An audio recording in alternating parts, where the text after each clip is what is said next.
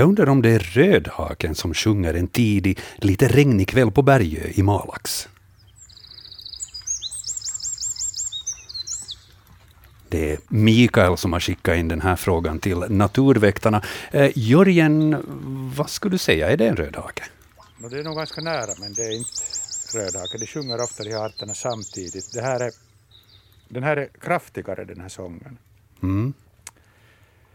Den, den hör till de arter som jag gärna liksom använder sådana musikaliska begrepp som forte fortissimo. De sjunger alltså jättehårt. Och den här är den här är pytteliten, sådär, lite större än en kungsfågel, men sången vi ljudar vidare omkring och det är en, det är en gärdsmyg. Gärdsmyg? Okej. Okay. Den rullar på så här skojigt. Den har inte de här silverklara klocktonerna som rödhaken har, utan, utan det, de saknas. Och, och övar tillräckligt så, så tycker jag det nog går att behärska det här. Men det kan vara efter vintern kan det vara lite krångligt. Ja. Svår att härma? Jo, nej, absolut inte. Den låter ju lite hysterisk. No, i, mina öron inte, men Aha, det, jag, jag, jag, godkänner det där subjektiva. Det, det, det är objektivt. Ja.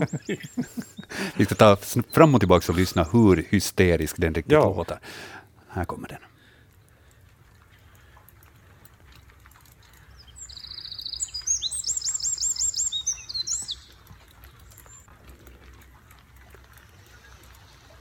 Särskilt hysterisk vet jag inte. Kanske lätt irriterad över att det var lite regnigt i Malaxskogarna, men vacker fågelsång. Ja. Nåja, alla kan inte ha rätt. nej, nej, och det är ju smaksak. Det, det är smaksak. Ja. Gärdsmygen får inleda den här torsdagssändningen. Eh, välkomna till Naturväktarna. God afton alla som sitter framför radioapparaterna. Och god afton också kvällens experter Anders Albrecht, Jörgen Palmgren och Annika Ljungberg har vi med oss och Risto Salonpää sköter det tekniska i Böle. Mitt namn är Joakim Lax. Vi kommer att vara ert sällskap här i Ylevega fram till klockan 21.00. Vi har en liten paus för nyheterna där klockan åtta. Men här är gott om tid att besvara era frågor om djur och natur. Innan vi tar eh, alla olika sätt att kontakta oss på, så måste jag passa på att fråga. Eh, Jörgen, vilka fåglar är det man eh, kan förväntas se i, i vårt land nu som är så där typiska mitt i maj-fåglar? Ja, det, det har ju blivit helt, helt plötsligt jättevarmt. Mm. Och jag tycker att våren, våren liksom harpar framåt tre, fyra dagar per dygn. Och och av de sistkommande fåglarna så är, fattas en del, bara några arter mera. Vilka är det som du upplever att fattas? No, no, nordsångare som ju kom, aldrig kommer i maj. Eh, eller, så, no, ja, kanske det är lite överdrivet så den aldrig kommer, men alltså den kommer i juni. ja. Sen fattas uh, kärrsångare. Mm. Och så fattas kanske någon annan sångare, men, men det har nu liksom verkligen galoppera framåt de senaste dagarna. Ja, det har varit roligt att följa med ja. på sociala medier där ja. folk konstaterar att svalorna är här, svartvita flugsnapparen såg ja, och sånt Lövsångaren, fullt med lövsångare. Massor, ja. Fullt med, med det där svarthättor här i, i södra Finland och, ja. och, och, så vidare. Så att det, är nog, det, det, går, det går verkligen fort nu för tillfället. Och just hur fort det gick så upplever jag också det här då, i början av veckan, speciellt här i Österbotten, så var det rätt sådär regnigt, lite svalt, men man konstaterar ja. att nu kommer det att komma varma, soliga dagar. Och jag förutspådde att men det kommer att låta FUMP! Och så ja. har vi grön gräsmatta och det börjar slå ut här och där och saker och ting börjar hända. Och exakt det har hänt. De här ja, två senaste varma dagarna, så det, det lät bokstavligen FUMP! på vår gräsmatta. Jag, jag lyssnade på det där sändningen äh, Naturväktarna senaste vecka, mm. här för några dagar sedan. Och, och ni gick i sådär ganska svala andor ja. då och, och det var liksom, skillnaden var oerhört stor. Så är det. Ja, jag, jag förespådde visst att det kommer på tisdagen. Det är sant och det, det, det var nästan rätt. Det var ganska, ganska ja, bra. Ja. ja. Så det är inte bara frågor om djur och natur som vi levererar, utan väderspåmän. Alldeles. Ja. ja. vid behov. Och fram, framtiden och ja, den förgångna tiden kan ja. vi spå i också. teblad och liknande. Ja. Naja, vi får se. Ifall ni har frågor som ni vill att våra experter ska besvara ikväll, hör av er på e-post natur eller så ringer ni här under sändningen 0611 12 13. Vi kommer att ta första samtalen om sig 10-15 minuter, för vi har en hel del frågor att gå igenom innan det. Eh, dels så har vi bilder insatta på Naturväktarnas bildblogg. Ni hittar den på svenska.yle.fi natur. Och där är de frågorna som har kommit in här innan. Eh, men så går det ju att skicka brev också. Eh, Naturväktarna, Ylevega, postbox 12 00024 Yle. Och Annika, det har kommit en del brev. Brev har det kommit också. Det finns några stycken som vi kan, vi kan ta idag och kanske lämna lite till nästa gång också. Mm. Vi ska titta på det också snart. Men ska vi helt enkelt börja med första bilden i bildbloggen, bara för att eh, lite sådär komma igång. Eh, här har vi, mm, det är Cecilia, Krister och eh, barnen Douglas, 6 år, och Leia, 3 år. De bor i Stockholm, Bromma, men eh, tillbringar somrarna i Korpo. Och de undrar, vad är det här för en snigel som vi hittar i vår trädgård i Bromma? Um, hur ska vi beskriva den här då? Den är brunspräcklig. Anders, du kanske kan beskriva den bättre? Ja, den, den är sådär grå, gråbrunspräcklig och, och svårt att bedöma storleken men att sådär en 10-12 centi är den. Mm. När den, den ger ut sig upp till en, till en fem, 15 centi om, om man vet vad det är. Och sen har den bak på kroppen en sån här tydligt köl. Så den hör till gruppen kölsniglar. Just det.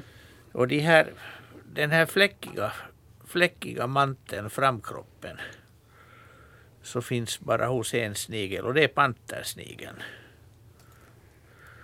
Som, jag antar att den är vår största snigel.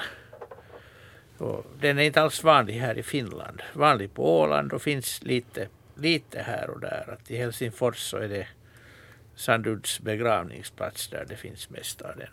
Just det. Men att uh, Stockholmstrakten och, och söderut i Sverige är den mycket vanlig. Så det är inte på det viset alls ovanligt att de skulle ha siktat den här i, i Stockholmstrakten? Det, det, och den, den hör till, den, den hör till det, man, det man ser där. Mm. Att den här gråsvarta kölsnigeln som vi har här, den är ju mera en skogsinsekt, men den här är en också i, i lundar och sådär, men det är en kulturföljeslagare och finns i parker och trädgårdar. Eh, pantersnigel då är alltså uppkallad helt enkelt på grund av den här spräckliga mm, framdelen då? Det, det är de här fläckarna, jo, Mm. den, inte, inte, den, är, den är inte rovgirig på något vis. Det är inget klös i den? Ingen mör, mördarsnigel. Nej. Pantersnigel får vi berätta där åt Cecilia, Christer och Douglas och Leia som är ivriga lyssnare faktiskt på detta program enligt uppgift. Skriver de också. Roligt att ni lyssnar och eh, även att ni håller koll på oss trots eh, att ni tillbringar stora delar av året i Sverige. Det är alltid roligt att vi har lyssnare i det landet också. Hur är det Annika, ska vi ta och titta lite på den här postskörden som har kommit? Ja, det är någon som har fått vänta lite längre på ett svar, så nu ska vi ta och titta på Heddas fråga. Mm. Hedda har skickat e-post åt oss tidigare och nu har vi också fått hennes djur på, på posten så att Anders har dem där framför sig och kan titta på det. Eh, Hon skriver att eh, hon har tidigare skickat in en bild på puckad djur blev ombedd att skicka några exemplar i en tändsticksask, vilket jag gjorde genast efter det. På bilden ses en levande som förgäves försöker krypa upp ur ett glasfat och en död med buken i vädret. Färg och form som en kaffeböna, men mindre. Hoppas ni hjälper mig med att uppklara mysteriet. Och för att höra lite närmare vad det är för mysterium så läser jag ett tidigare meddelande. Hon har alltså flera månader sedan fått kryp som har uppenbarat sig i fönsterbrädet på fönsterbrädet i sovrummet. Hon skriver att jag bor i andra våningen i ett stenhus byggt 1949. Först trodde jag att det var fästingar som min hund hade bringat till hus huset. Han är borta men krypen har jag fortfarande. De är väldigt slöa och långsamma men ändå hittade jag en på tamburgolvet cirka tre meter från fönsterkarmen. Det tycks hela tiden komma fler trots att jag spolade dem jag hittat i WC. Jag har en orkidé på fönsterbrädet, tror dock inte att det har med saken att göra. Och om det här låter som en bekant fråga så har den alltså behandlats tidigare i en sändning. Men nu när Anders har framför sig de här pokadjuren så kanske Hedda får en lösning på det här mysteriet. Jo, ja det här är alltså fråga om en, en skalbagge som är ungefär 4 millimeter, 4-5 millimeter lång, ganska bred, så här matt brun, svartbrun. Och framtid på täckvingarna har den ett sånt här gulare, blekare vågband som går tvärs över. Och den heter vågbandad pälsängar. Det är alltså en släkting till pälsängar. En som har kommit under, under de senaste årtiondena och, och bosatt sig här. Och den är, I många hus är den den rikligaste av ängrarna. Och den som kanske gör minst skada också av de här päls, pälsängrarna. Men att den kan, den kan ge sig på det som vi, vi vill ha. Men att det är ganska mycket som den helt enkelt städar i knutarna, äter döda flugor och, och insekter. Och den kan nog gå i, i det där Eh, bröd, brödpaket och så där också. Men att det, det är mera diffust vad den, vad den lever av i våra hem. Men att den trivs väldigt bra. Men inte, inte, någon, inte någon orsak till panik. Men att det är ju klart att det är bra att stänga in det man vill ha för sig själv. För att den, den mängd de äter är ju väldigt liten men att de smutsar ju så. Går de på allt? Ska man nu paketera mjölpåsar alltihopa in i lådor? No, eller? Det har man nog alltid borde göra. Så det, det är egentligen ingenting nytt här. Det, det är bara en, en art till i skaran och den har ju redan funnits i, i många, många år. Hur många sådana här pälsängrar talar vi om? Hur många arter har vi i vårt land? No, vi har, egentligen har vi de, de här två är vanliga och sen har vi några arter till som vanligen är ute i naturen. Och sen har vi sådana här sällsy, mera sällsynta tropiska arter som nu och då kommer in men att inte, inte brukar bosätta sig. Och sen har vi ju museiängrarnas släkte som också kommer in och, och fläskängar. Och där är ju pälsängar den som gör mest skada därför att den ger sig på, på djur, djurfiber, alltså hår och, hår och päls och ull. Och kan göra ganska mycket skada. Mm. Fläskängen tycker om fett. Att den, om man har glömt gamla ostsmörgåsar i knutarna så, så äter den sådär som barn brukar. Att först osten och sen smöret. och den här, den här vågbandade den mumsar nu i sig lite allt möjligt som ligger i, i, i lådor och, och knutar. Lämplig sån där allätare. Ja, och det, den, den har en bra framgång med det att den är betydligt rikligare än de här andra arterna. Mm. Men som sagt, eh, ingen orsak till panik för Hedda. Ja, speciellt som de ligger döda i en burk. Nej, då är de ganska lugna och beskedliga. Ja, okej. Okay. Mycket bra, då har vi det mysteriet löst. Vad skönt att vi kunde hjälpa henne med att få svar på, på hennes lilla mysterium där. Det har kommit in mera post också, liksom den där så att säga gamla vägen tänkte jag säga, genom posten till vårt postfack. Sån där riktig post riktig som jag kan post. hålla i och, ja. och krassla med lite och, Fysisk och läsa. post, känna dofter och allting. Ja, eh, vi har fått ett brev från Hans där han, skriv, där han eh, undrar över två vita svampar som han har fotograferat. Och de här svamparna ser man också på vår bildblogg. Om man går in på svenska.yle.fi natur så kan man se de här bilderna. Börja med att läsa Hans meddelande. Fyra sådana växer nära Raseborgsvägen i Ekenäs där jag bor, precis nere vid åsen. Vore tacksam att få höra namnet i en av sändningarna. Ja, vi får, vi får nog döpa dem själv i så fall. För att jag vågar inte säga vad det är. Man, det finns många möjligheter. Det, det är de här så kallade trattskivlingarna som det gäller, som är flera släkten faktiskt. Och som vi inte kan säga bara på basen av, av översidan någonting. Och, och man borde ha storlek, konsistens, doft och undersidan att se på.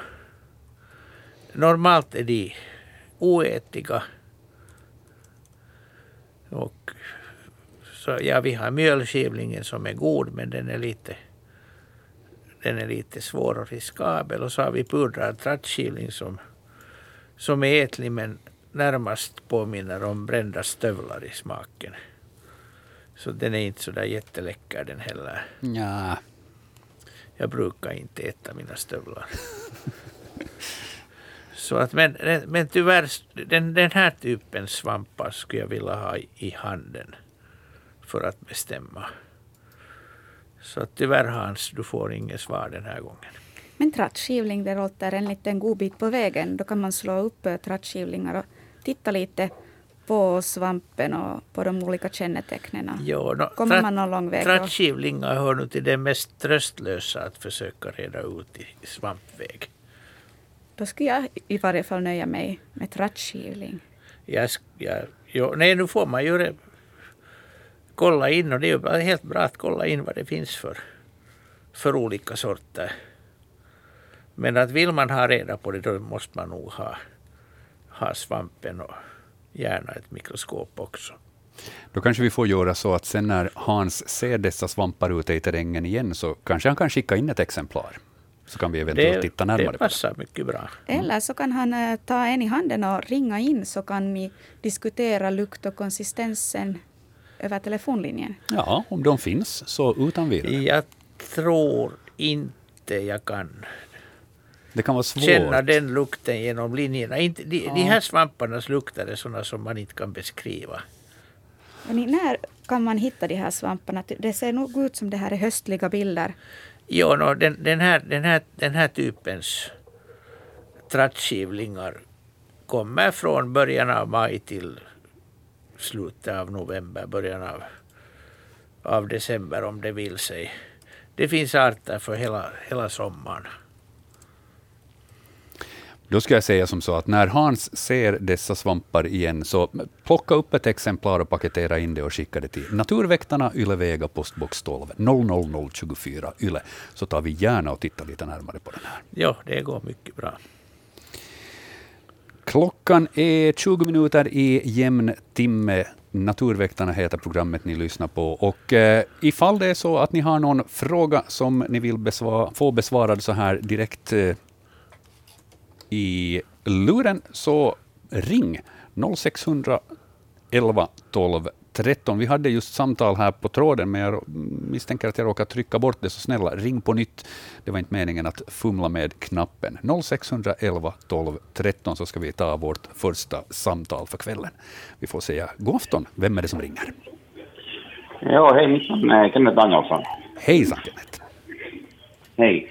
Jag har en sån fråga att om det är vargar, revar eller så, så att säga sådana som fänger äh, eh, ma, som äh, korv och malet kött och sånt, att känner de gifte igenom som även som alla hundar och sånt går och äter också? Men känner de gift, gift eller så att säga att det är människor som har varit och rådda rodda om dem eller äter de ett av de sånt som blir erbjudet som man hittar ute på längs vägkanterna också. Mm, just det. Hur, hur noga är deras doftsinnen? Känner de igen ifall det är ett och tre blandat någonting i det som man har lämnat efter sig? Ja, om det är ritstift eller nålar som, som de kan slinka in också så att säga. Ja, tyvärr så förekommer sånt där att äh, Ja, det, jag har ja. hört att det har förekommit redan i år så att säga. Ja, och det är väldigt beklagligt att någon ens kommer på tanken att lämna ut någonting sånt. Men hur är det med, med revar och vargar? För det, tyvärr så är det ju så att hundar så har en tendens att inte nödvändigtvis märka den där skillnaden, utan de är lite väl ivriga ifall de hittar någonting. Ja, Men, så, så, jag, så jag funderar att eh, om eh, vargen till exempel råkar få i sig något sånt att eh, spyr de upp det då eller lä, lämnar de det Mm. om de känner där giftet? vad säger våra experter? Anders, Jörgen? No, så där allmänt taget så är ju vargen och hunden de är ju väldigt nära släktingar och jag tror nog att, att, att vargen reagerar på precis samma sätt som en hund. Jag har inte själv några erfarenheter och inte någon uppfattning om hur det är på riktigt men jag försöker, jag försöker bara komma så här logiskt till Mm. hur, hur de reagerar. Och vad jag vet så, så det där har man nog tidigare i alla fall förgift, använt gift för att få koll på rävar så att jag tror att det är nog riktigt samma sak där. Ja, Jo, så, det, vi ska väl inte göra reklam för något gift där, men, Nej, ja nej men att överhuvudtaget men, att men att tidigare använde man faktiskt Ja, gift från en del lavar. Alldeles. Man kunde, man kunde koka gift ur dem som faktiskt är livs, livsfarliga, inte bara för rävar utan, utan också för, för människor om man, om man äter. Men att de här lavarna är, vad, vad jag vet så torde de vara utdöda i Finland. Mm. Att de, de fanns på Åland tidigare men att man har nog gjort sig av med dem. Vilket jag tycker Ja. är bra. Ja. så, att, så, så det är ungefär att hu- hundar och vargar drar, drar man, kan man dra ungefär över, över sa- samma kam då, att de går och äter ungefär allt. Jo, jag, jag tror också det. Och, och, och sen, det kan ju sen hända nog att de kan, de kan eh, glupa i sig och, och börja må illa och försöka spy upp. Men det, det kan ofta vara för sent då. Ja, och är det om det är risstift eller nålar inblandat i malet kött till exempel? då det, det tror jag är... eh, Alltså det, det, är ju, det är ju grymt och det är ju... Det, det får man inte göra. Nej, För man att får det, det, det, det, kan, det kan de väl ingenting åt om de har svalt ner. För det, de märker ju inte det förrän det börjar att faktiskt Ja. göra illa. För att man har ju inte den där känslan i, i tarmen om den riv, rivs sår i den. Ja, Så att det...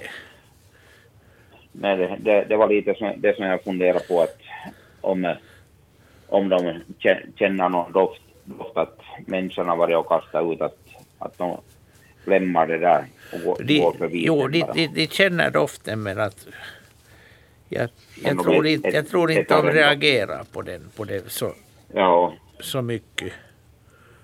De är, de är vana vid människodoft. okej. Så. Knepig fråga du hade, Kenneth, men jag hoppas du fick svar där. Ja, ja no, en del i alla fall av det. Mycket bra. Men tack ska ni ha. Hördu, tack för ditt samtal. Ha en skön kväll. Ja, då, tack, Bra. hej. Tack, hej. Ja, det är svårt eh, för det första att, att uttala sig på något vis med lugn och sans i rösten, tycker jag, då man hör om de här tillfällena när hundar eh, har glufsat i sig korv som någon har lämnat efter sig och satt saker i korven som inte överhuvudtaget ska vara där. Och tyvärr så kommer ju de här rapporterna alltid nu och då.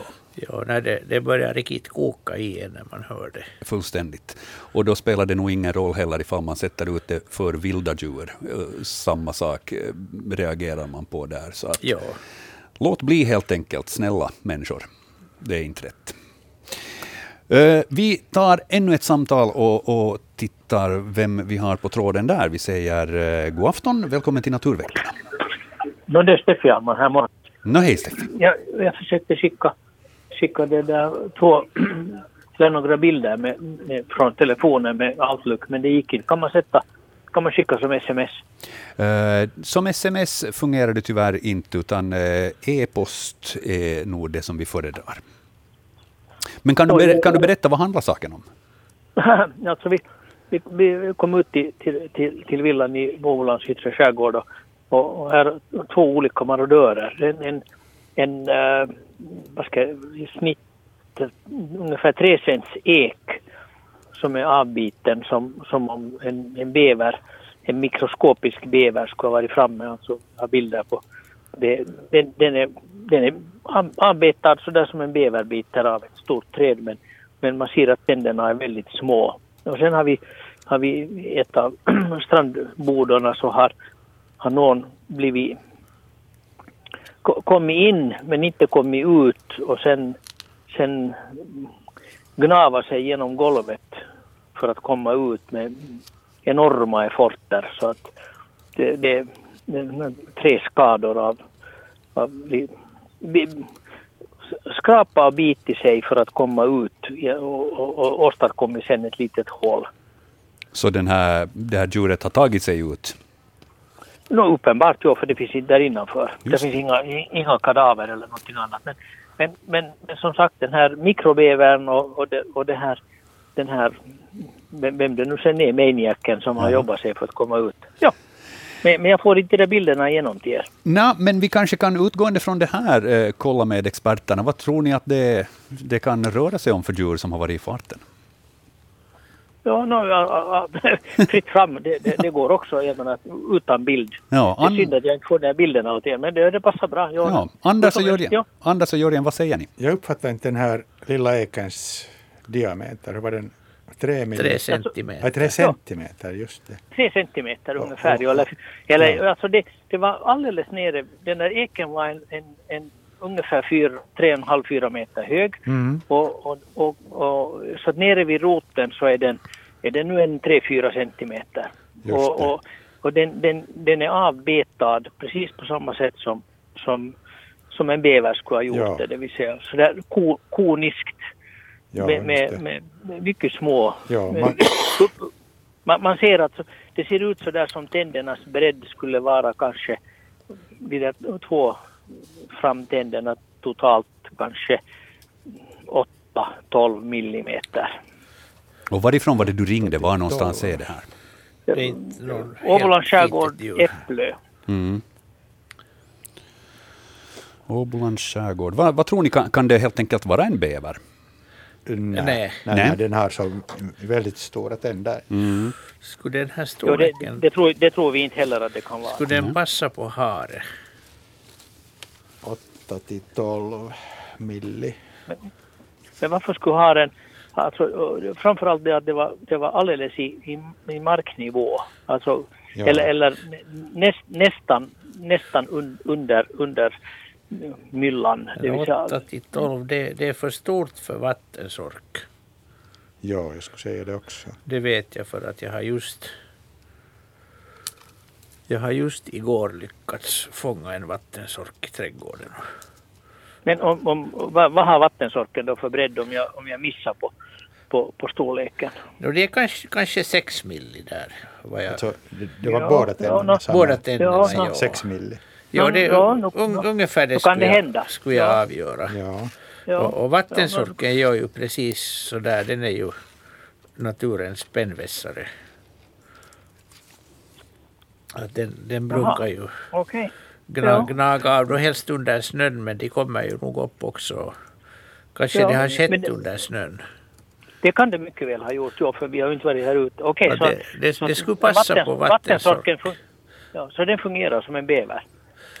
Ja, i stort sett ja, de, de gör och de kan, de kan gå på, på väldigt grova. Alltså det, har, det har gått en sån här 6-7 centimeters päronträd som de hade väst i nedre ändan på. Mm, Okej, ja, men då, då är det De hade inte fällt det men att rötterna bort. Och Ja, kan vara det nog. Kan man tänka sig att det är vattensorken också som har tagit sig ut från det här stängda utrymmet? Jo, om, nå- om någon har stängt in den så kan det nog, men jag tror inte den har tagit sig in själv. Nej. Det, det är inte likt en vattensork. ja de här, alltså kring det här, det här, alltså det hålet som, det, det hål som finns kvar så det är så där ungefär 25 milli.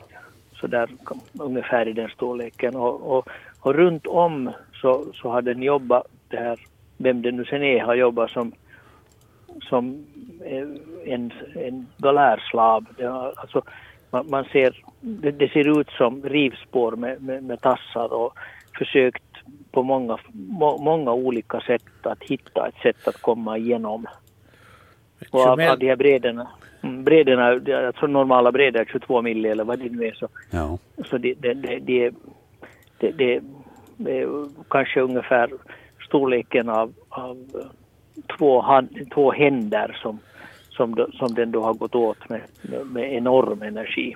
Men har den kommit ut, ut genom ett 22 millis hål så, Eller 25 var det väl? eller ett 25 Ja. så det, det är för litet för ekorre. Jo, absolut. Ja. Ja. Att det, det, Och det är det, det, är det som är det konstiga. Skogsmus skulle jag gissa. Ja. Ja. Ja, men, det, men, men, men det underliga det är ju inte ett slutet utrymme utan, utan runt om väggarna så är det, är det omlottbrädor så att det finns, det finns, det finns evakueringsvägar och, och, och varje vinter så har vi, har vi, har vi nå- någon form av mössork vad det nu kan vara som, som bär in kilovis av, av, av det där nypon och annat och, och bygger bo eller ja, skogsmus Ja, det, det, är- det är förvånande om den, om den har haft fri, fri ut och ingång att den Ja. skulle Ja, den, dessutom den, gnaga sig igenom. den, den klättrar ju så jättebra att den hittar nog liksom alla möjliga andra skrymslen där. Den, Så det- där, så där finns ju tio, tiotals just det. eh, öppna, öppna där exitvägar. Så att, jag, jag tror att den inte har gnagat för att få en flyktväg utan Det var det något annat. det har varit någon annan orsak. Den har velat Aha. gnaga ett bohål åt sig eller någonting. okej. Det gör de ju ofta i, i, i stubbar i skogen och sådär. att De, Ja. de gnagar in i ganska friskt trä också.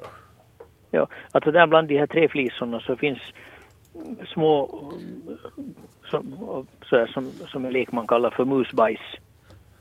Ja, Så det är en blandning av, av träflisor och musba, musbajs.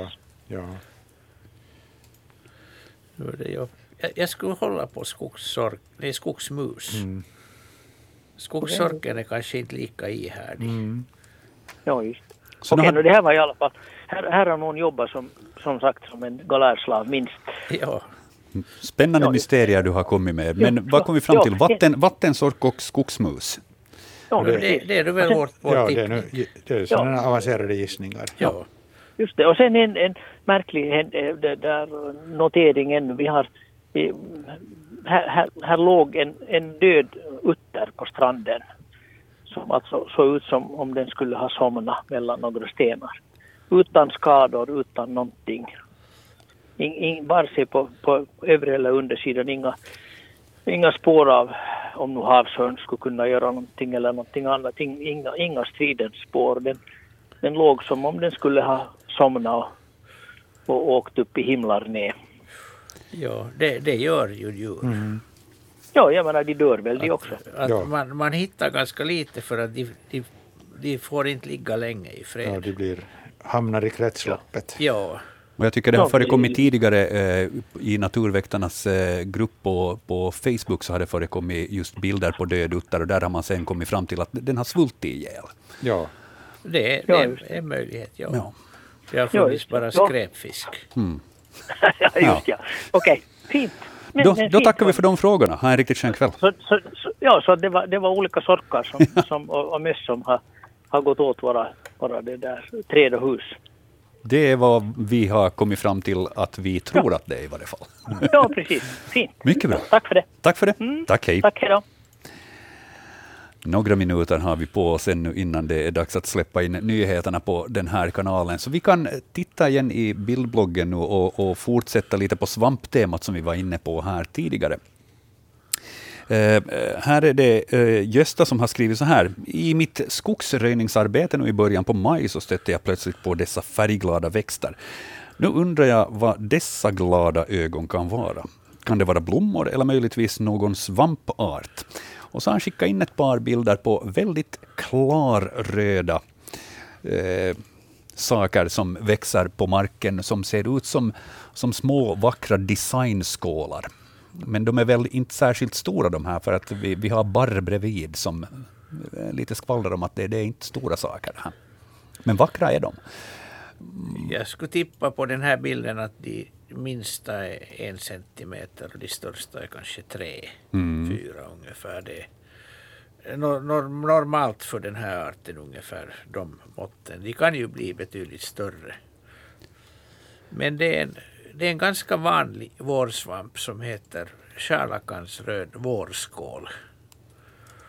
som finns i, i frodig, frodig fuktig skogsmark, lundar.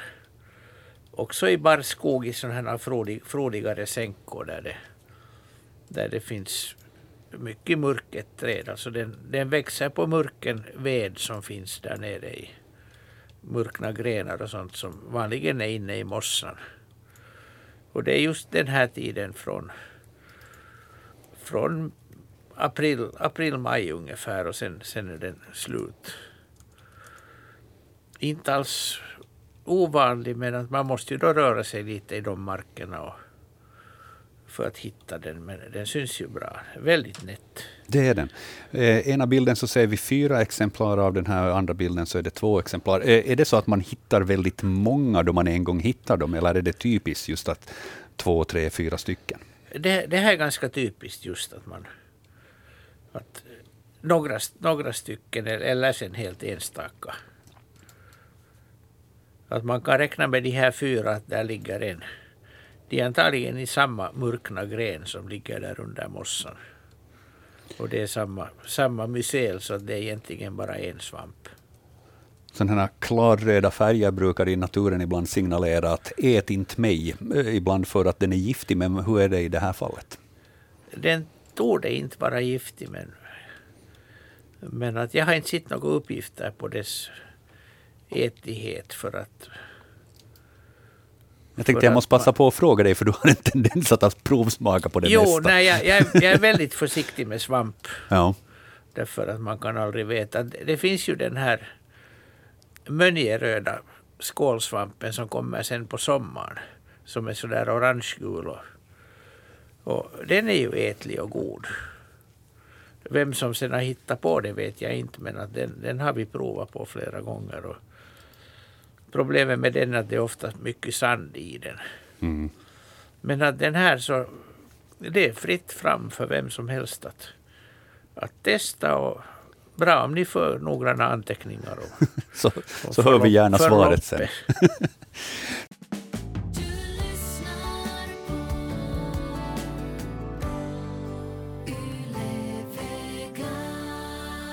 och programmet Naturväktarna som är med dig fram till klockan 21.00.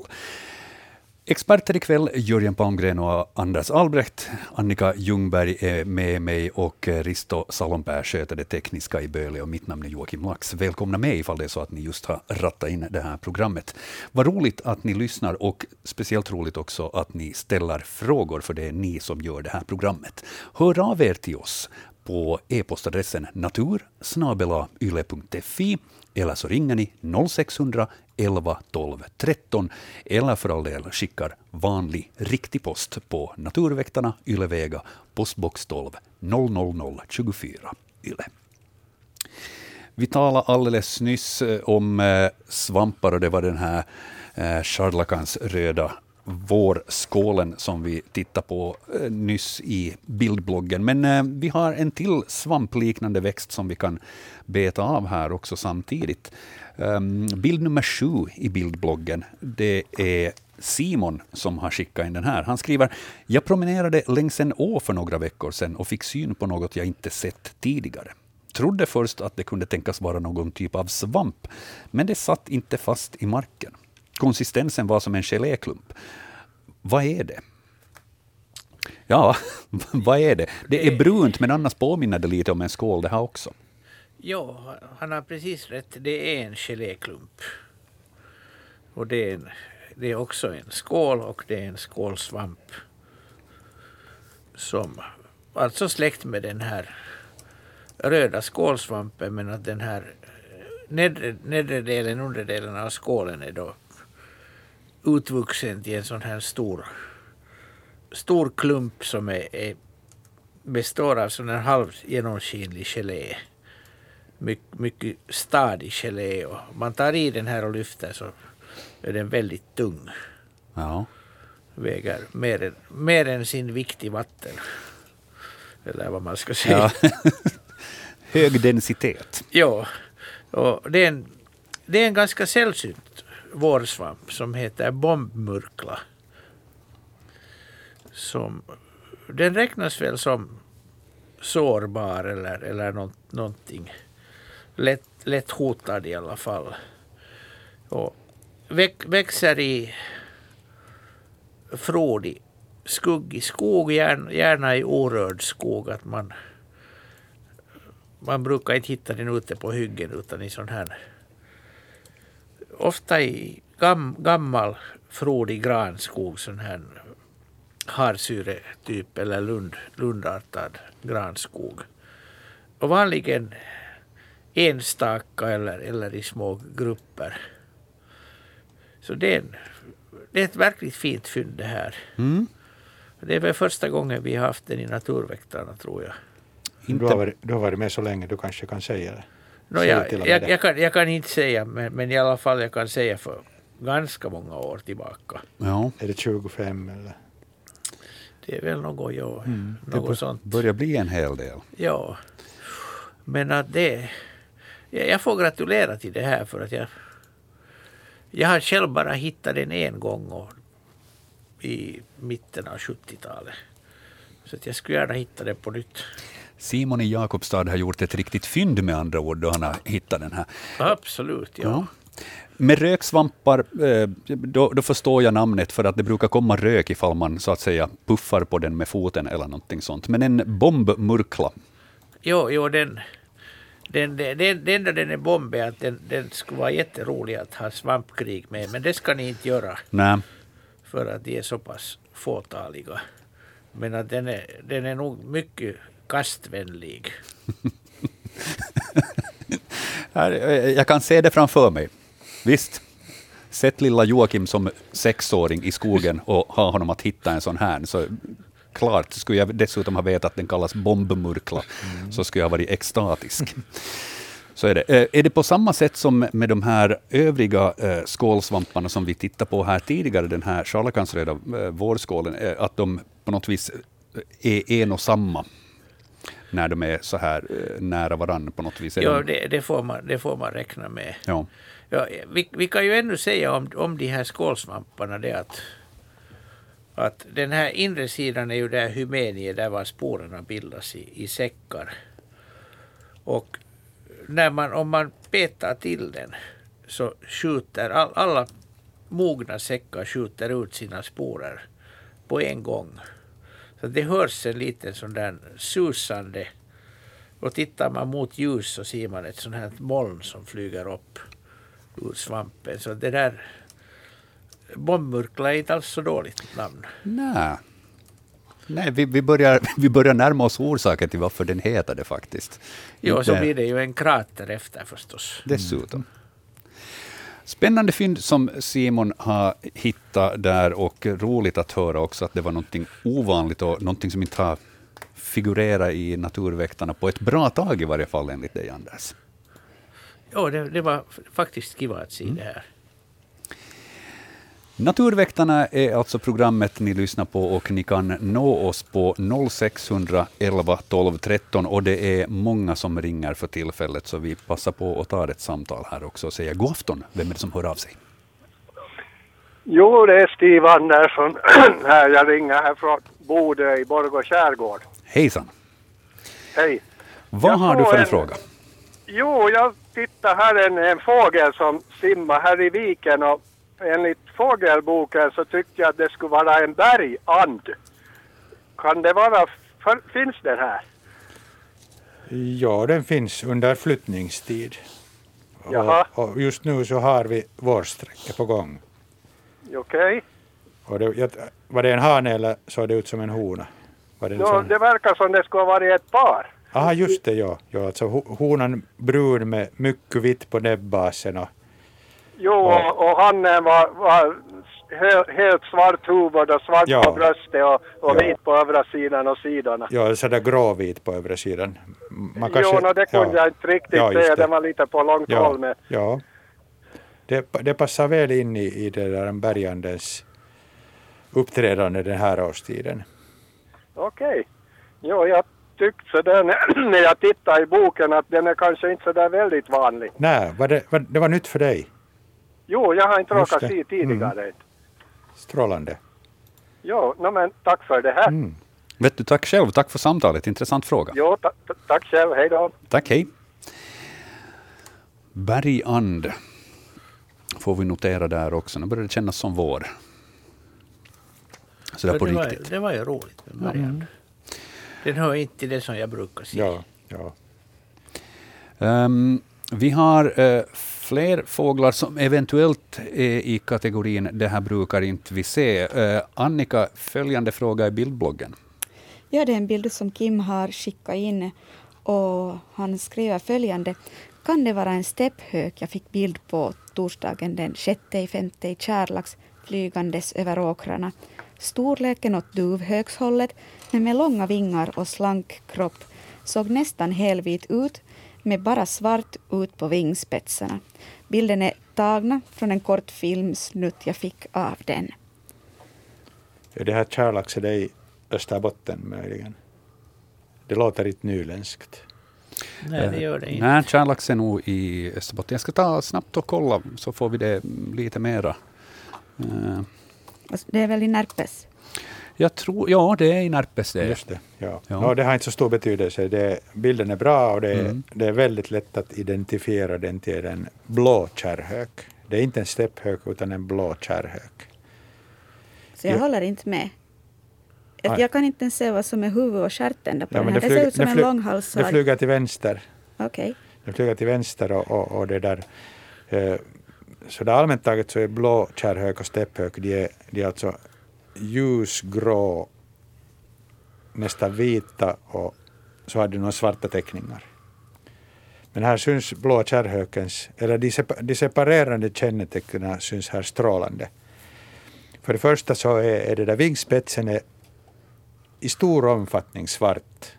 Ja. Om det skulle vara en stepphök skulle det vara bara en sån här liten svart kil bestående av fyra handpennor. ja, den här har nog doppat vingarna Ja, rejält den i har, en den kärra. riktigt ordentligt, ja just det. Sen om, om det skulle vara en stepphök så skulle den heller inte ha en svart bakkant på vingen. I i Ja, där uppe ja. ja.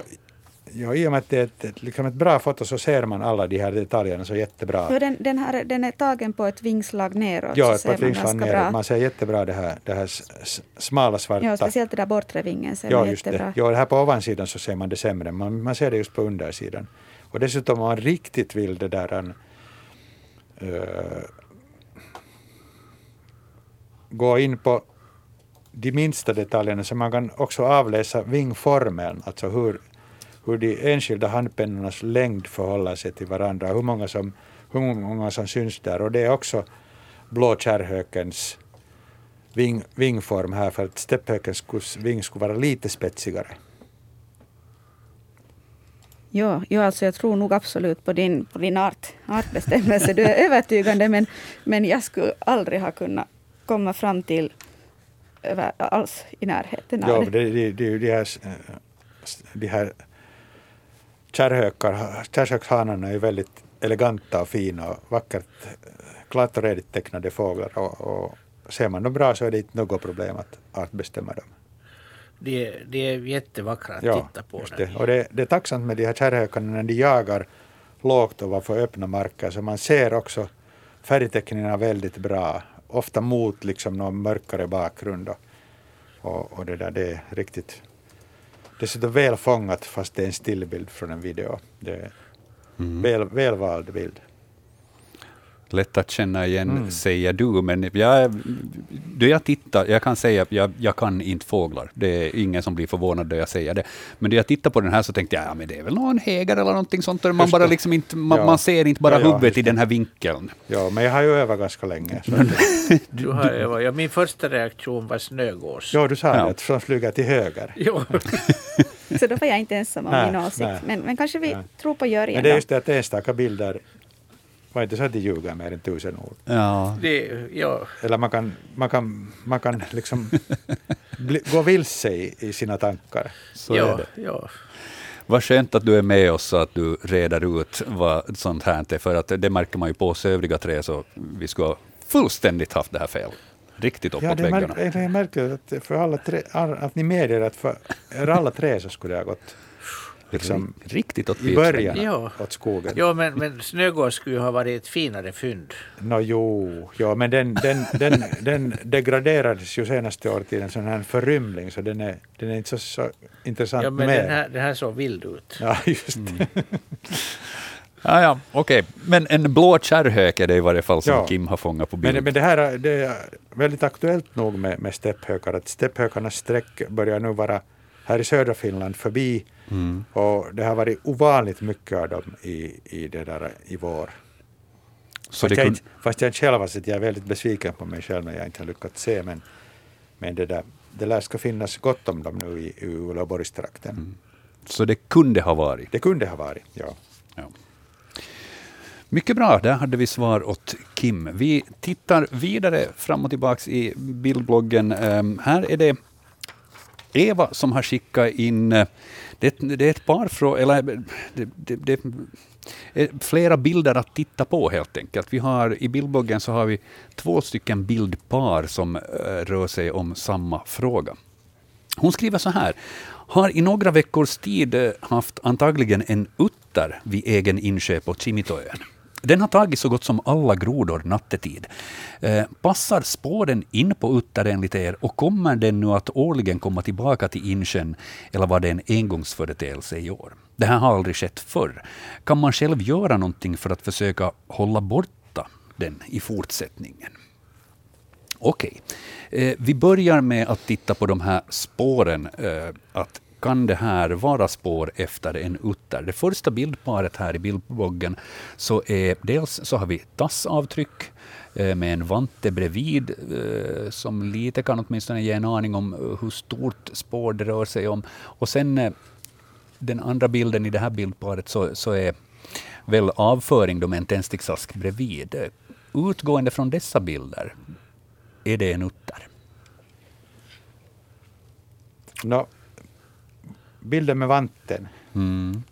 så visar ju ett tassavtryck som jag uppskattar att det skulle kunna vara ungefär fem centimeter långt. Jag jämför med, min, Det stämmer bra. jag Ja. jämför med min egen tumme. Min tumme är 5,5 centimeter. Men vantens tumme är naturligtvis lite längre. Men det kan å andra sidan vara en, en Väldigt liten vante. jag, har, jag har inte någon Ja. jättestor hand, men det kan ändå vara en mindre vante. Mm. Och det där, så ser man på det här spåret att, att där, är, där är väldigt långa tår. Och det är ju, det här spåret är väldigt, väldigt tydligt i den här mjuka marken. Så att eh, jag skulle upp, uppskatta det här att det är ungefär lika långt som den här, den här tummen. Ja, alltså väldigt långa tår. Hur många tår tycker du att det är? En, två, tre, fyra, fem. Mm. Fem är där, ja. Ja. Ja. Och, och de, de, de, de slutar i en, en sylvass spets. ja, klara kloavtryck Ja, på det klara kloavtryck. Och, och det, där, en- det här spåret så tolkar jag, jag hade först väldigt svårt att komma liksom underfund med vad det är. Men så, så bläddrade jag nu av och an i boken och, och kom till att det är ekorre. Ja. Är det en... Baktassen på en ekorre. Jag tittar på de här andra spåren. Är det klövavtryck? Det är nog- det är nog- där. Det, nej, jag tror att det, det här är baktassen och de här klövarna är framtassen. Och är det svansen då som gör de där tassavtrycken som ser ut som kattspår? No, det ser jag inte. Det här kattspår. och- Vi har, vi har Jag vet inte, det är vi några har- små gropar. Vi har andra bilder. Ska Svans- vi, ska vi ta och lyssna på Jörgen istället? Ja, nej, alltså, nej, nej, nej. Jag, jag tycker ekorre kunde det bra vara. Ja. Mhm. Men den är nog Jag, jättestor. jag försökte liksom få det till något annat men jag, jag hittade inte det, just det här proportionen Om den, lång. är, om den är fem, fem centi lång så är den Ja. två, två centi bred. Det passar ja, precis ja, på, och det här är liksom på baktassen av den en här ekorre. proportionella måtten alltså liksom trampdynan och klorna så det finns inte riktigt någonting som annat som det, jag får det att passa in på. Nej, inte, inte i den, den storleksklassen. Och det, Mm. Det, det passar nog my, mycket bra.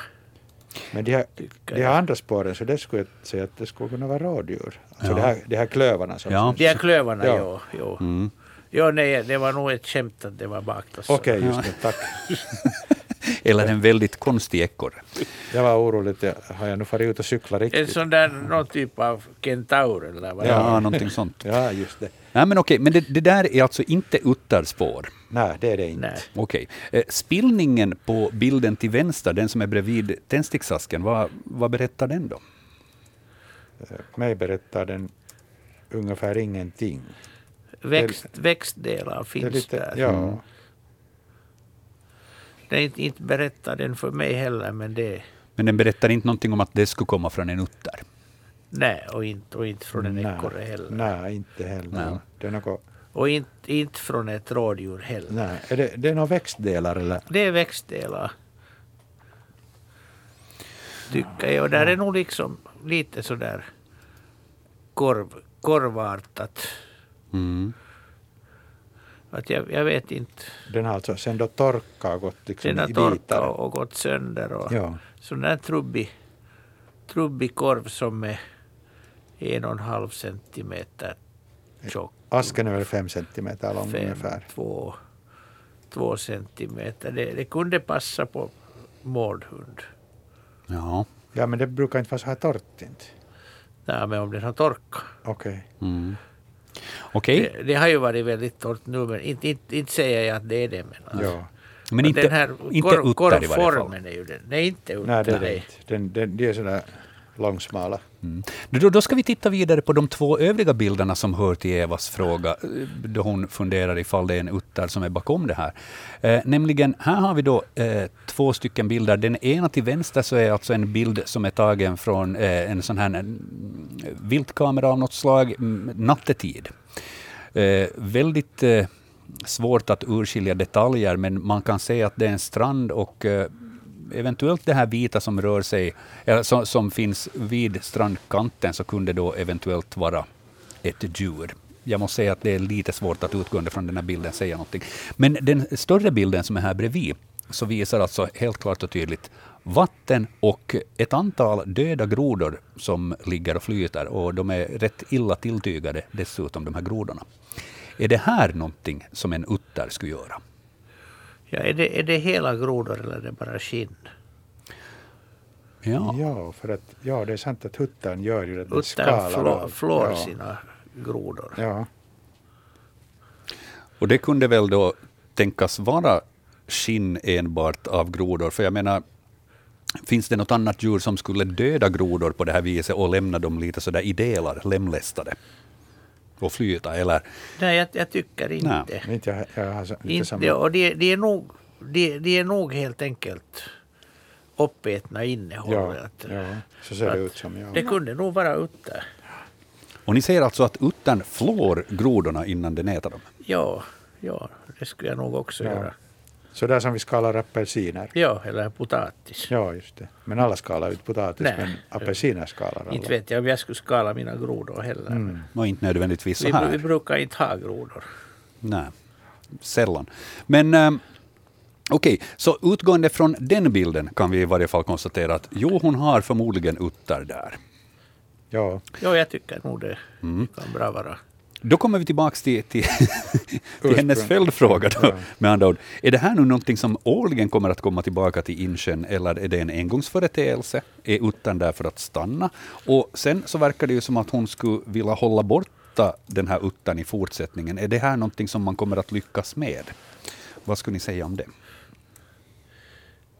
Jag skulle rekommendera att hon håller kvar sin utter. ja jag tycker det också. Den, är, den är ett trevligt djur. Mm. De, är- de är roliga att titta på. De är, ja, det, det tycker jag. Men att, eh, hur, hur det kommer att, att gå så jag skulle nog inte våga spå, förutspå någonting. Det kan gå hur som helst. Nej, det är ju det att ut, ut, många uttrar är liksom väldigt rörliga av sig. De kommer och går. Och, och den har då kanske det här året hittat den här, vad den, hur stor var sjön? Eh, Det står det inte, egen Okej. insjö på Egen Chinitoön. insjö. No, Ja. kanske, no, det beror på. Det finns, det, vi- det finns ju de som har stora sjöar också som Mm. egna sjöar. Men alltså det är en, en sjö där det finns mycket grodor. Det låter som det skulle vara en ganska liten sjö. Ja. Och men, men uttrar, när uttern har ökat så, så det där, en, eh, man kan väl räkna med att utter rör sig eh, nu för tiden överallt. Överallt och den, den, kan, den kan ha väldigt Stort revir också. stort revir. Eller speciellt där om, det om det är rinnande vatten Ja, så kan det ja. vara jättelånga Ja, långa sträckor de rör sig. Så. Den är, förmodligen kommer den att komma tillbaks där flera eller, år. eller, eller en, en annan individ. Vi Eller en ju annan inte. individ. Ja. Precis. Okej, no, men det var en utter trots alla dessa spår som förde oss på olika villovägar. Men, men grodskalorna, jag trodde aldrig jag skulle använda det ordet, grodskal. Men det var de som då kanske avslöjade att det förmodligen är en utter som Eva har där. Mycket bra. Naturväktarna är programmet ni lyssnar på 26 minuter efter åtta är klockan och eh, kanalen den heter Yle Vega. 0611 12 13 är telefonnumret man kan ringa ifall man vill komma i kontakt med oss och eh, få svar direkt av Jörgen och Anders. Vi tar emot era samtal och besvarar era frågor ända fram till klockan 21.00. Vi ska se, just nu så är det tomt på telefontråden, så då bollar jag. Nej, det, nu höll jag på att ljuga där. Vi får säga god afton. Vem är det som hör av sig? Det är Benita från Kyrkslätt, hej. Hejsan, hejsan. Vad har du för en fråga åt Anders och Jörgen? Jag funderar att kan jag lämna fåglarna utan mat nu på sommaren? Det syns inga flugor och myggor och något som de kan äta. Och det har kommit bofinkar och starar och duvor och Och du, du är orolig att de inte ska hitta tillräckligt med mat? ja, Det, är nog, det, det, satt i, det satt igång egentligen i... I, I förrgår kläcktes det enorma mängder insekter och det har fortsatt så att du behöver inte oroa dig för den saken numera. Det, den tiden är förbi när det var brist på insekter. Nu, nu finns det väldigt mycket. så jag kan lämna dem utan mat. Du kan, du kan lämna utan mat. Jo, Ja. det, jag tror det är bättre att Ja, de, de får den nyttigaste maten om de tar den från naturen. och den naturliga födan. Ja. Nå bra, tack. Utmärkt, men ett, ett rakt svar på den frågan. Ha en riktigt skön kväll. Tack för din fråga. Tack, tack Bra. detsamma. Tack, hej då. Ja, jag märkte också av att nu har insekterna kommit för att eh, de första myggorna märkte jag av igår kväll. Så jag konstaterade att ja, nu börjar det bli sommar. Och rätt skönt tillika, tycker jag. Skönt, skönt är det ju. Och Det är myggorna får man inte tåla bara. Svårt att vänja sig vid värmen. Nå, lite, lite det ja, men man, man, kan ju, man kan ju låsa in sig i frysboxen Ja, ja, ja, ja om man vill. om man vill. Om man vill. Hörni, vi har en, en till fråga med, med flera bilder. Eh, vi ska titta till den i bildbloggen här nu som nästa. Det är Monica som har skickat in här. Mm. Vi börjar med den här. Hon har två frågor nämligen och, och två stycken bildpar som vi på det viset har satt in i bildbloggen. Eh, den första eh, lyder, i april hittade jag något hårliknande på marken vid Läppträsket i Karis. Det hade ingen fast kropp men verkar inte heller vara hår från något djur. Vad kan det här vara för någonting? Och eh, de här bilderna som vi har här i bildbloggen, bild nummer 11, så ja, det ser ju ut som om någon skulle ha jag vet inte, skrynklat ihop lite glasfiber eller någonting liknande. Eh, Eller klippt ett får. eller klippt ett får. Ja, det är också en bra beskrivning. Ehm, vad är det här för någonting? Är det hår från ett djur? Det, det är hår men det är inte från ett djur, det är från en växt. Mhm. Det, det är fröhåra kaveldun. De här, de här mörkbruna cigarrerna som, som vi har vid, vid stränder. Mm.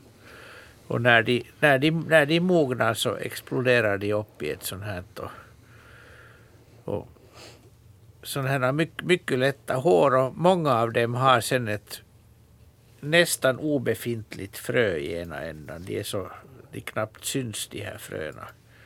De är mycket lätta och de satsar då på att, att om, om, de, om de sätter en miljon frön så kanske de får tre barn med det. Och det räcker för att hålla den här arten igång för att de de är ju, de är ju många de här och, och det beror sen på vädret hur, hur effektivt de exploderar. Ja. Att är, det, är det torrt och, blåsigt väder så då blir de väldigt så här, ska vi säga eldfängda. Att de, det behövs sen en, en, att de stöts till eller någonting så, så exploderar de och, och sväller upp på det här viset. Är det så att i bilden till höger att vi ser alltså, vi ser väl kaveldun som, eh, som ännu är så att säga intakt här? Åtminstone ser det ut som någonting brunt nere till vänster. Jo, vi, vi, vi ser, vi ser en, ena ändan. Mm. Det är antagligen toppen som har exploderat och sen nedre, nedre ändan finns kvar. Jag tycker jag ser någonting också som är ljusare brunt som skulle kunna vara den där stommen där det har lossat på två ställen. Helt- Jo, man ser där, där uppe och, och på sidan. Och sen ser man också på i, i högra kanten, ser man i, i kanten på den här ullen, ser man den där mörkbruna ytan också. Men att det, det, det, det är ingen det är ingen fråga om, om att det skulle vara någonting annat, det är helt klart. Mm. Och sen om man ser att det är läppträsket så då vet man att där finns miljoner av dem. Just det. Sedan fortsätter eh, Monica här också med en, eh, en annan fråga och eh, två andra bilder som då är bilderna nummer 12 i vår bildblogg som ni hittar på svenska.yle.fi natur. Hon fortsätter här. Vi har en, I början av maj har vi haft en liten koloni med svarta, blåskimrande, spännande baggar på gräsmattan. Kan det här vara majbagge? Vad säger Anders tränade Det, ögon? det är majbagge, ja. Det är, Ja. Det, är ju, det är ju en art som har ansetts, eller det är egentligen tre arter, men de ansetts, ansetts vara mycket säll- sällsynta. Men nu på senare år så, så har man sett allt mer av dem och, och framförallt sett dem i, i mängd på många ställen. Så att det, Det är att hon skriver om att det är en koloni, så det, det, det är helt no, normalt. det, det betyder att där, är, där är många av dem uppenbarligen. Ja. Är det så att de här två eh, majbaggarna till vänster i bild eh, håller på för tillfället och gör fler baggar, eller? Det är svårt att säga. Det, det är inte en skalbaggsställning det där. De brukar, hanen brukar krypa upp på ryggen på honan. Ja, det är inte som fjärilarna alltså. Nej. Ja, Ja. just det. Här är de ända mot ända. Ja. Ja, men, men det, det är möjligt att de, att de håller på att para sig men de har blivit skrämda och de håller på nu. Så det är en skilsmässa vi Ja. ser. Ja, ja. Ända mot ända kan ingenting hända. Och det kan nå insektvärlden men inte hos Ja. här. Va- hur- Varifrån härstammar det här namnet majbagge? Är det att om det skulle vara i april skulle det vara aprilbagge, om Det det skulle skulle vara i det juni skulle det vara, junibagge. Ja. Och, och september, december skulle det vara jul. Ja, vad heter det på, vad, vad heter det på finska? Den heter toukohärka. Ah, det är den just det. Ja. ja, ja, ja. Alltså maj, majtjur. den finns i några finskspråkiga barn, dikter för barn. Jo, jo det, den är ju en sån där som, som det ofta är barn som hittar. Mm. För att de, de har De uppmärksamheten tittar på, närmare. på viktiga saker. Och, Mm. Och väldigt fascinerande tycker jag, utgående från de här bilderna, just som hon skriver, svarta, blåskimrande. Och det är de ju verkligen. Den har ju Ja. väldigt vackra blåa färger, den här ena här till höger. ja, och der, deras larver är ju sådana små, mycket, mycket livliga varelser som kliver upp i, i blommor och går omkring på, på sanden och hakar fast i, i bin sen. Mm. och flyger, åker med dem ner till, med till deras bon. Där de är verkliga marodörer. Men eh, eh, barn fascineras ofta av majbaggen. Är majbaggen en sån som man säkert kan plocka upp i handen och studera närmare, eller är det så att Det- man kan det- få ett litet kan- nyp? De, de, är- de, är, de är ganska timida av sig. De har, har inte speciellt starka käkar så att man kan nog ta Ja, försiktigt plocka upp den och, och granska den lite närmare. ja, Ja, vackra baggar som Monica har fotograferat där. ja. Och vi kan konstatera, ja, det är en majbagge. Annika, Ja, ska vi titta vidare på, på följande? Nu, det är en, en fågelfråga som kommer här nästa i bildbloggen. ja. Jag ska, jag ska ta och läsa upp den åt oss. Eh, det, är bilden på en, det är en bild på en brygga, lite stenbumlingar och en vacker vit fågel, det vill säga svan handlar det om. Knölsvan. Ja, knölsvan. Det har Kristel fotograferat. Och vid den här bryggan i Ing och Degerby finns elva båtplatser. På bryggans andra sida från Svanboets sätt. Nu ska bojarna sättas ut och sedan båtarna. Hur ska vi bete oss när svanarna inte tillåter oss att gå ut på bryggan? De är väldigt aggressiva. Boet ligger cirka 40 centimeter från bryggan, syns på bilden rakt framför svanen. Kan man flytta på boet lite längre bort, där det var senaste år? Hur går det till i så fall? Kan man bara flytta äggen till en annan vassbädd? Blir svanarna störda och flyttar själva om någon av oss vågar gå ut på bryggan? Eller måste vi vänta tills ungarna simmar ut ur boet? Ska vi starta från det som är absolut förbjudet? Man får inte flytta fågelbon och det, det, det är helt dömt att misslyckas. Men kan man flytta bryggan? Jag tror att det, det Nej, stör också. nej. Det stör svanarna nej. lika ja, mycket. Nej, utan man, man det där, jag, jag, jag skulle göra så här att jag skulle, liksom, jag skulle använda bryggan och den, den, den knölsvanen står ju där uppe på bryggan och på något sätt motar bort de människor som rör sig där. Utan man använder där bryggan och så får den bara lov att vänja sig vid det. Och vänjer den sig inte så får det, så då, Då får man sjukt i benet. na, nej jag menar inte utan, utan den, den, den överger boet. Ja, du tror på det viset. Ja, det, kan, det kan hända. Och jag, det jag tänkte att den hugger en i benet varje Nej, gång det, ja, men det, det är ett litet... Nej, det gör den inte. Och det gör inte? Nej, nej den gör inte. Den, den, den är ju stor och, Jo. och den väser och, och ser, burrar upp sig och det är väldigt skrämmande. Men jag har nog aldrig blivit liksom skadad av att famna en knölsvan. Den, den kan försöka slå lite med vingarna. Men, Ja. men det där, jag har ju varit framme för att liksom fånga den.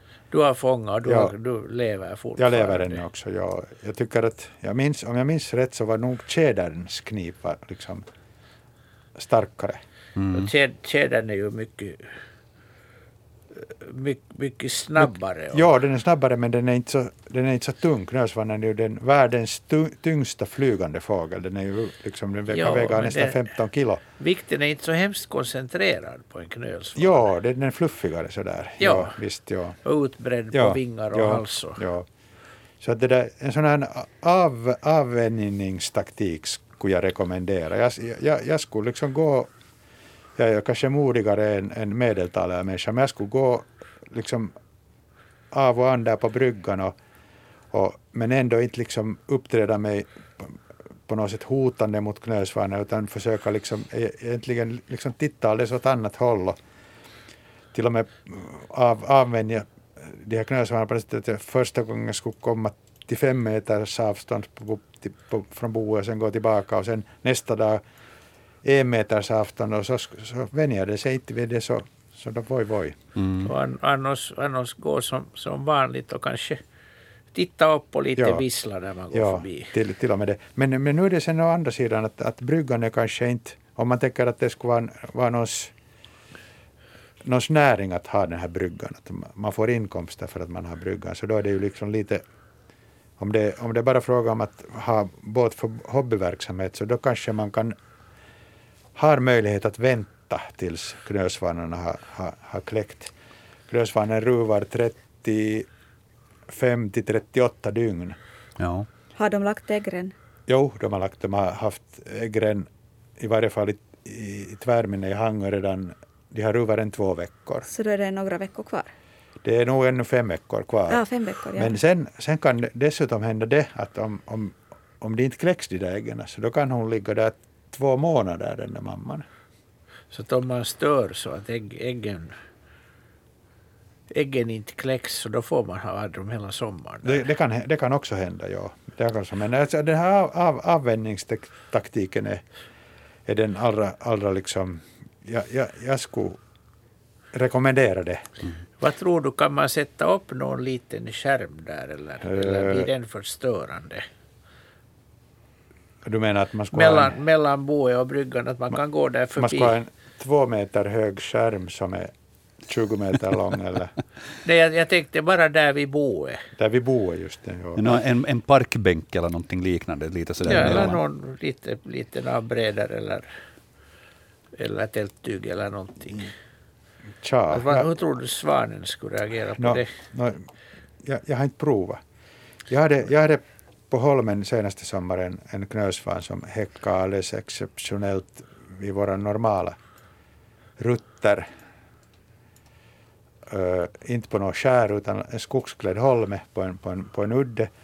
Och det, där, det var i början så var det så där lite att äh, kan jag nu gå här när den, när den ställer sig upp och kanske börjar promenera där vi bor. Men sen fortsatte vi fortsatte att leva som vanligt så till slut så var, låg den där och det var inte liksom någonting. Ja, nej, det, Men- det kan ju hända att man bara är Så- som vanligt. Ja, så, så skulle jag säga att det går. Men min knölsvan så kläckte aldrig. Aha. Så de var där två månader. Ja. Men inte, inte gjorde det någonting för att jag hade Nej, då den hade vant sig vid oss. på goda ägg förstås. Ja, jo, jo, hade, Den hade vant sig vid oss och vi vande oss vid den. Ja. Så att det var, men den är inte där i år så att den, den, den bytte. Den Och är här- kanske här Ingo nu. Nej, det tror jag inte. Är, är det så att de vanligtvis kommer tillbaks till, till samma ställe De kommer, nästa år? ja, de kommer ungefär till samma ställe. Att om det här nu liksom går åt skogen så då är det alldeles säkert att de väljer ett annat ställe nästa, nästa sommar, alldeles i närheten. Men om det lyckas så kan det vara att de kommer tillbaka. Men så kan de å andra sidan vara vana vid den här trafiken där på bryggan. Och, och beteendet eh, när äggen kläcks, hålls de väldigt nära boet då med ungarna eller flyttar de på sig? De är, de är ju borymmare så de, de, de, liksom, de, de simmar ju och de, de söker sig till genast därifrån om, om där är mycket rörelse. Och, och så. Så bä, bästa rådet är nu helt enkelt att försöka komma överens med Ja, just det. Ja, Samexistens. ja. Flyttande är absolut, det får man inte göra. Men det här störande får man göra. Det, Det, det är tillåtet. det är tillåtet, ja. Det är tillåtet. Men, men alltså, man ska ju inte störa genom att störa, utan man ska liksom störa genom att avvänja, sig, avvänja det här störning. Att alltså, knölsvanarna vänjer sig vid, vid, vid, den, vid störningen. Och fåglar är ju ganska, anpassar sig ofta ganska bra. Men det finns sen individer som absolut inte tål någonting sånt här. Att det kan man inte veta i förväg. Så att man är som vanligt helt Man, enkelt. man försöker vara som vanligt, ja. Med en stor knölsvan fast vid foten. Ja, Ja. Ja. ja. Från eh, våra, vad sa du, tyngsta flygande, Världens tyngsta världens fågel. Ja. tyngsta fågel Det, till, det, det är ganska tufft. ja, till Ja. någonting som är mycket mer lättvingat. Annika, vi har någonting mindre på gång. Ja, Heidi undrar vad det är för en fjäril hon har fångat på bild. Och vi satt och undrade när den här bilden kan vara tagen och antagligen då en, en god tid sen. Det handlar om en väldigt vacker fjäril som har eh, fina mörka fläckar på vingarna som annars är vita och sen sådana gulbruna. Uh, alltid när jag beskriver färgen på någon insekt så brukar jag bli korrigerad. Uh, handlar det om vitt och gult på den här fjärilen? Det är vitt och gult och svart. ja, nu hade det, jag rätt. Och det, det vita är inte riktigt rent vitt. Det har en sån skuggning. Att den, är, den är inte sådär jättegrann men att nog, nog väldigt grann. Ja, de här svarta och, och fläckarna man är skulle inte tro när man ser den att den helst sitter på tallstammar. Nu sitter den på ett finger så den är Ja. inte väldigt stor. Den är några centimeter Den mellan är vingspetsarna. fyra centimeter mellan vingspetsarna kanske. Att den är inte för att, för att vara en, en mätare så hör den till de lite större. Och den heter torvmossemätare. Torvmosse, Torvmosse, ja. inte torvmosse. Nej, utan torv. Torvmosse. Och, och den, den lever, lever på sådana här tallmyrar. Där larven lever av. Mest är det odon. Som, som där finns. av- Det är, inte, det är inte torven den är Det är inte torven, nej. Nej, och den, den flyger då i, man kan säga juli huvudsakligen. Det är en högsommarart, så den här bilden är, är tagen förra sommaren eller tidigare. Och flyger omkring och sitter då på tallstammarna. Och den här färgen, den, sit, den sitter då så att vi inte ser bakvingarna, vi ser inte det här gula. Men att den syns väldigt bra sen om, om någon fågel kommer nära så lyfter den på framvingarna och det här gula blinkar. Och det här är ju varningsfärger. Så att fåglarna aktar sig för den ganska mycket. Men då när man inte ser det där gula så är nog de här fläckarna sån en skyddsfärgsaktig kamouflage. Ja, men det är nog inte på en tallstam. Den Jaha, syns okej. väldigt bra. Så att det, är nog, det, är, det är nog fråga om direkt en, en varningsfärg eller en sån här fågelbajs mimikry som det också finns. Att det är ju ofta med fjärilar som sitter helt öppet och, och inte har en normal skyddsfärg så de försöker se ut som någonting som man inte kan äta eller något som är giftigt. Och sen har de ofta det där att de kan blinka med en annan färg. Och det är en, det är en mycket vanlig fjäril. Den, den är faktiskt en, om man går på, på mossar på högsommar så flyger den upp framför en hela tiden. Och, och kan flyga nog flera kilometer i, ifrån mossarna också. Att man kan se den lite var som helst. Men att vill man ha den med säkerhet så är det, är det mossarna. Vilken månad var det? Juli? Juli, det är, Ja, det är alltså- högsommar. Det är då när det finns också bromsar och mygg på mossarna. Jo, Ja. och, och en, den, den, är, den är kopplad för mig med härlig doft av, av getborst. Och myggor och bromsar Ja. och, och hetta. Och, men att den är aktivast om, om natten men Mm. den flyger på dagen också. I alla fall det är, en, det är ett vackert djur. Mm-hmm. Mindre vackert är kanske följande djur, det beror ju på vem man frågar. Eh, här är det alltså eh, Johan som har skickat in en bild med följande fråga. Eh, små 1-2 millimeter kolsvarta larver som nästan ser ut som någon slags oljeförorening på vattnet, tills man tittar närmare. Tusentals små larver eller något slags insekter. Det fanns av dem också i torr sand, inte bara på vattenytan i pölarna. Det här är fotograferat i Hangö sista veckan i april. Vad är det för en citat larv? Slutcitat. Vad kan vi berätta åt Johan? Han har fotograferat alltså en, eh, den klippskräva, en pöl i en klippskräva och där är det Ja, för, om man tittar snabbt så ser det ut lite som oljeföroreningar. Men små svarta saker som flyter. Ja, ja det, det är synd att vi inte har en förstorad bild av för den är eh, den, den ser väldigt intressant ut. Om ni kan tänka er en sån här grå, gråskimrande Michelin-gubbe. Så det, det är vad de liknar. Det är en, det är en hoppstjärt som heter Podura aquatica. En, hör till familjen vattenhoppstjärtar. Och som, som lever på stränder och just i vattenlinjen. På vattenytan och, och, och lite upp, upp längs stranden. Och den är, den är ytan är, är hårig och lite sådär matt liksom sammetsartad, sammetsartad så alltså att den är helt vattenavstötande. Den, den kan inte bli våt och därför flyter de. Nej, vad den är gullig när jag slår upp det här. Podura aquatica. Ja, så den, är- den, är, den är väldigt, väldigt vacker och den kan, den kan finnas då i både, både i insjöar och i, i, brackvatten i otroliga mängder. Eh, och då du säger otroliga mängder, alltså hur stora, hur stora sådana här fläckar kan det bli? Då de, de, kan, de kan vara en sån där 30 centimeters band runt stranden i hundratals meter. Ja. Så det kan vara väldigt mycket ibland och det kan vara väldigt lite. Men sen när de är inne, inne i massan så har man ingen möjlighet att uppskatta Är det det mycket. sjusiffrigt, åttasiffrigt Det, det blir så många Ja, siffror det. att, Ja. att siffrorna tar slut. Ja. Vi närmar oss det oändliga. ja. Det, jo, jo, det åtminstone om, om man räknar i tid Ja. att räkna dem. Mm. Och man räknar ju insekterna så att man räknar benen och dividerar med sex. Alldeles. Och det tar tid. Ja, just det. Så, så pass nyfiken är jag ju så att ifall jag skulle se det här i en vattenpöl så skulle jag förmodligen gå lite närmare och först studera det, bara göra en okulär granskning av det. Men sen skulle jag ta ett litet vasstrå eller någonting sånt och lite peta. Jo, Hur reagerar de på sånt? börjar det röra på sig? Eller? Det, det rör på sig och de, de hoppar ju. Så de, de, kan, de kan hoppa, göra hopp på ungefär 10 centimeters höjd. Då.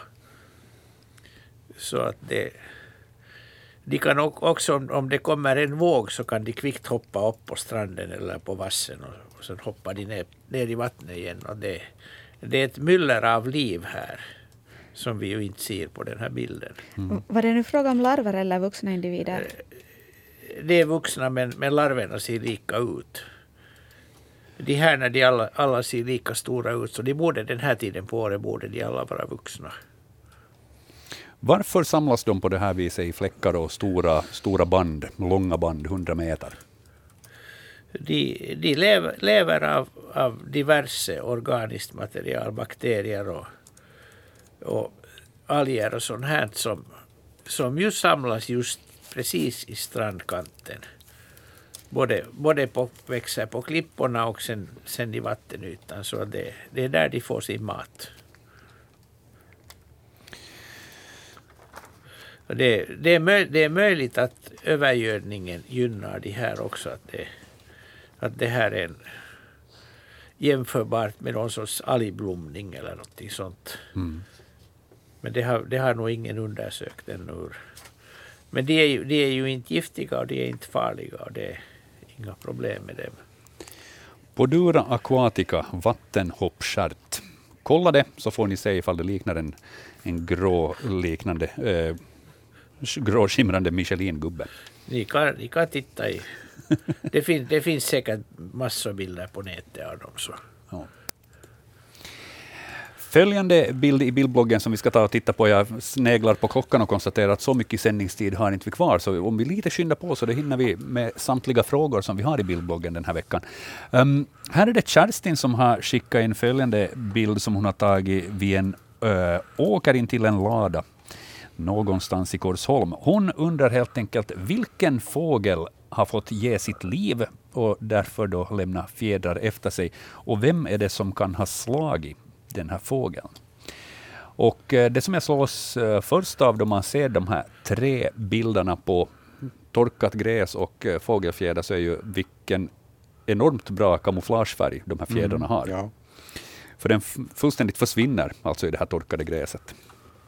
Ju längre man tittar på den så desto mer ser man sådana här duniga fjädrar också på sidan ja. om. Mm. Men det här är sådana riktigt långa, vad ska jag säga, kompakta täckfjädrar eller stjärtfingrar, svanspennor, vad det nu sen är. Handpennor. Mm. Handpennor och, och mellersta bilden så finns en stjärtpenna som är lång och smal. Just det. Och redan på det så, så kan man bestämma det till en fasan, fasanhöna. Ja. Det är enda, enda art i vår fauna som har en sån här jättelång stjärtpenna som avsmalnar sen till spetsen. Och de två övriga fjädrarna som flankerar äh, den här äh, stjärtpennan? Ja, det är det där. Det är, till höger är det en, en handpenna och till vänster så är det också någon av vingpennorna. Mm. No, tuppen där har då en annan färg? Det är en annan färg, ja. Det är rödbrunt eller något annat. Så, som tuppar ska ha lite, ja, lite stiligare ja, färger. Det, det gäller inte alla inte. Har den fått sätta livet till när det finns så mycket fjädrar på ett ställe eller, eller kan det ha en helt fredlig... No, I varje fall så, så har, har, den, har den tappat fjädrar där eller de har liksom blivit kvar där. Man kan inte, man kan inte, det ser ut att de skulle vara hela de här pennorna den här spolens bas, men jag är inte riktigt säker att är den ändå avbiten, den där hand, armpennan där till vänster. Armpenna är det väl, ja. Den där stjärtpennan ser ut att, att inte vara helt utvuxen ännu. Tycker du det? Den har lite slida där vid, vid basen. Ja, det är lite märkligt. Att fan, fanen liksom svänger ja. inte ut från början. No, ja, det kan, ja, svårt att säga. Ja, men det, det, det kan man inte avgöra att vem som har varit framme. Det, det är bara liksom allmänna gissningar. Mm. Men artbestämmandet, det gick det, utmärkt från ja, den här stjärtpennan? Det var inte krångligt. Nej. Fasanhöna är det som Kerstin har hittat resten av i bredvid ladan i Korsholm. En sista bild har vi i bildbloggen som vi ska titta på här. Ehm, det är signaturen Åbolands skärgård som under veckoslutet har varit ut eh, i Hotskär och eh, barnen har där hittat, som ehm, de beskriver här, som en annorlunda blåsippa och undrar, är det här en mutation och hur uppstår en sån? Väldigt vacker är den i varje fall. Lila färgad blomma, um, vad kan vi berätta mer om den här? No, den, den, om, vi, om vi tittar uppe där till höger så har vi en vanlig blåsippa. Den har ja. då van, vanligen fem, fem blåa kronblad. Foderblad har de ju inte men de har ett svepe sen där under. Men fem, fem blåa kronblad och sen har de då ganska mycket, drygt 10-12 ståndare där med vitt pollen. Mm. Och de här, både, både ståndare och pistiller är ju egentligen ombildade blad. Så att det kan gå bakvägen också. Och ibland så bild, bildas, ut, utvecklas ståndarna till blad, till kronblad istället för till ståndare. Och det har skett här. Det, det, kan, det kan vara genetiskt, det kan vara en mutation, men det kan också vara någon störning bara. Någon hormonell störning som gör att det har, det har blivit kronblad istället. Det här är ju någonting som utnyttjas av växtförädlare väldigt mycket, att få sådana här fyllda blommor. Att man, man för, förädlar dem till att, att minska på ståndarna och få mera, flera kronblad istället. Men den är väldigt fin den här mång, mångdubbla blåsippan. Jag, jag vet inte om jag någonsin har sett en så här snygg, snygg dubbel, dubbelsippa. Den är väldigt vacker, den är som ett litet konstverk. Faktiskt, ja. Otroligt fin. Ja, och inget ont om övriga blommor heller, men den här, den här var faktiskt lite snyggare än alla andra, tänkte jag säga. Övriga blommor får ursäkta, men eh, Åbolands skärgård har lyckats hitta ett riktigt praktexemplar. Men du säger störning eller mutation? Jo, alltså det, jag, jag skulle säga att oberoende mutation eller inte så är det fråga om en, en, en hormonal sak. Vad som sen är orsaken till den. Men att, och, och sen att fråga är det nu en störning eller inte. Men det är ju klart om man tänker på förökning så är det ju en störning. Mm. Den kommer aldrig att få barn, den här blomman.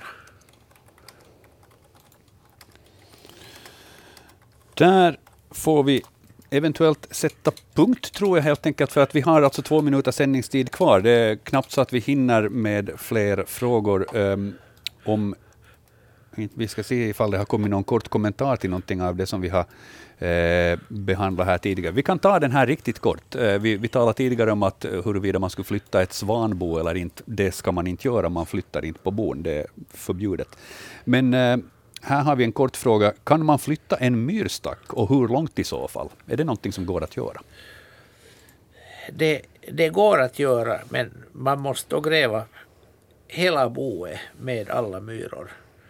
Och det betyder för en lite större myrstack att man ska ner till ett par meters djup, alltså till frostfritt djup. Mm. Myrstacken är liksom ett isberg? Den är, den, den är liksom, ett isberg, det, jo. Det, det, är väldigt mycket, det är bara en liten del som är på ytan och resten jo. långt ner. Att den, myrorna vill ha plusgrader hela året runt. Och då ska man få med det och det måste man då göra när myrorna är hemma. Det vill säga det går inte numera. Nej. Och att göra det på hösten är förkastligt för då hinner de inte rusta det för vintern. Så det borde göras egentligen på vårvintern.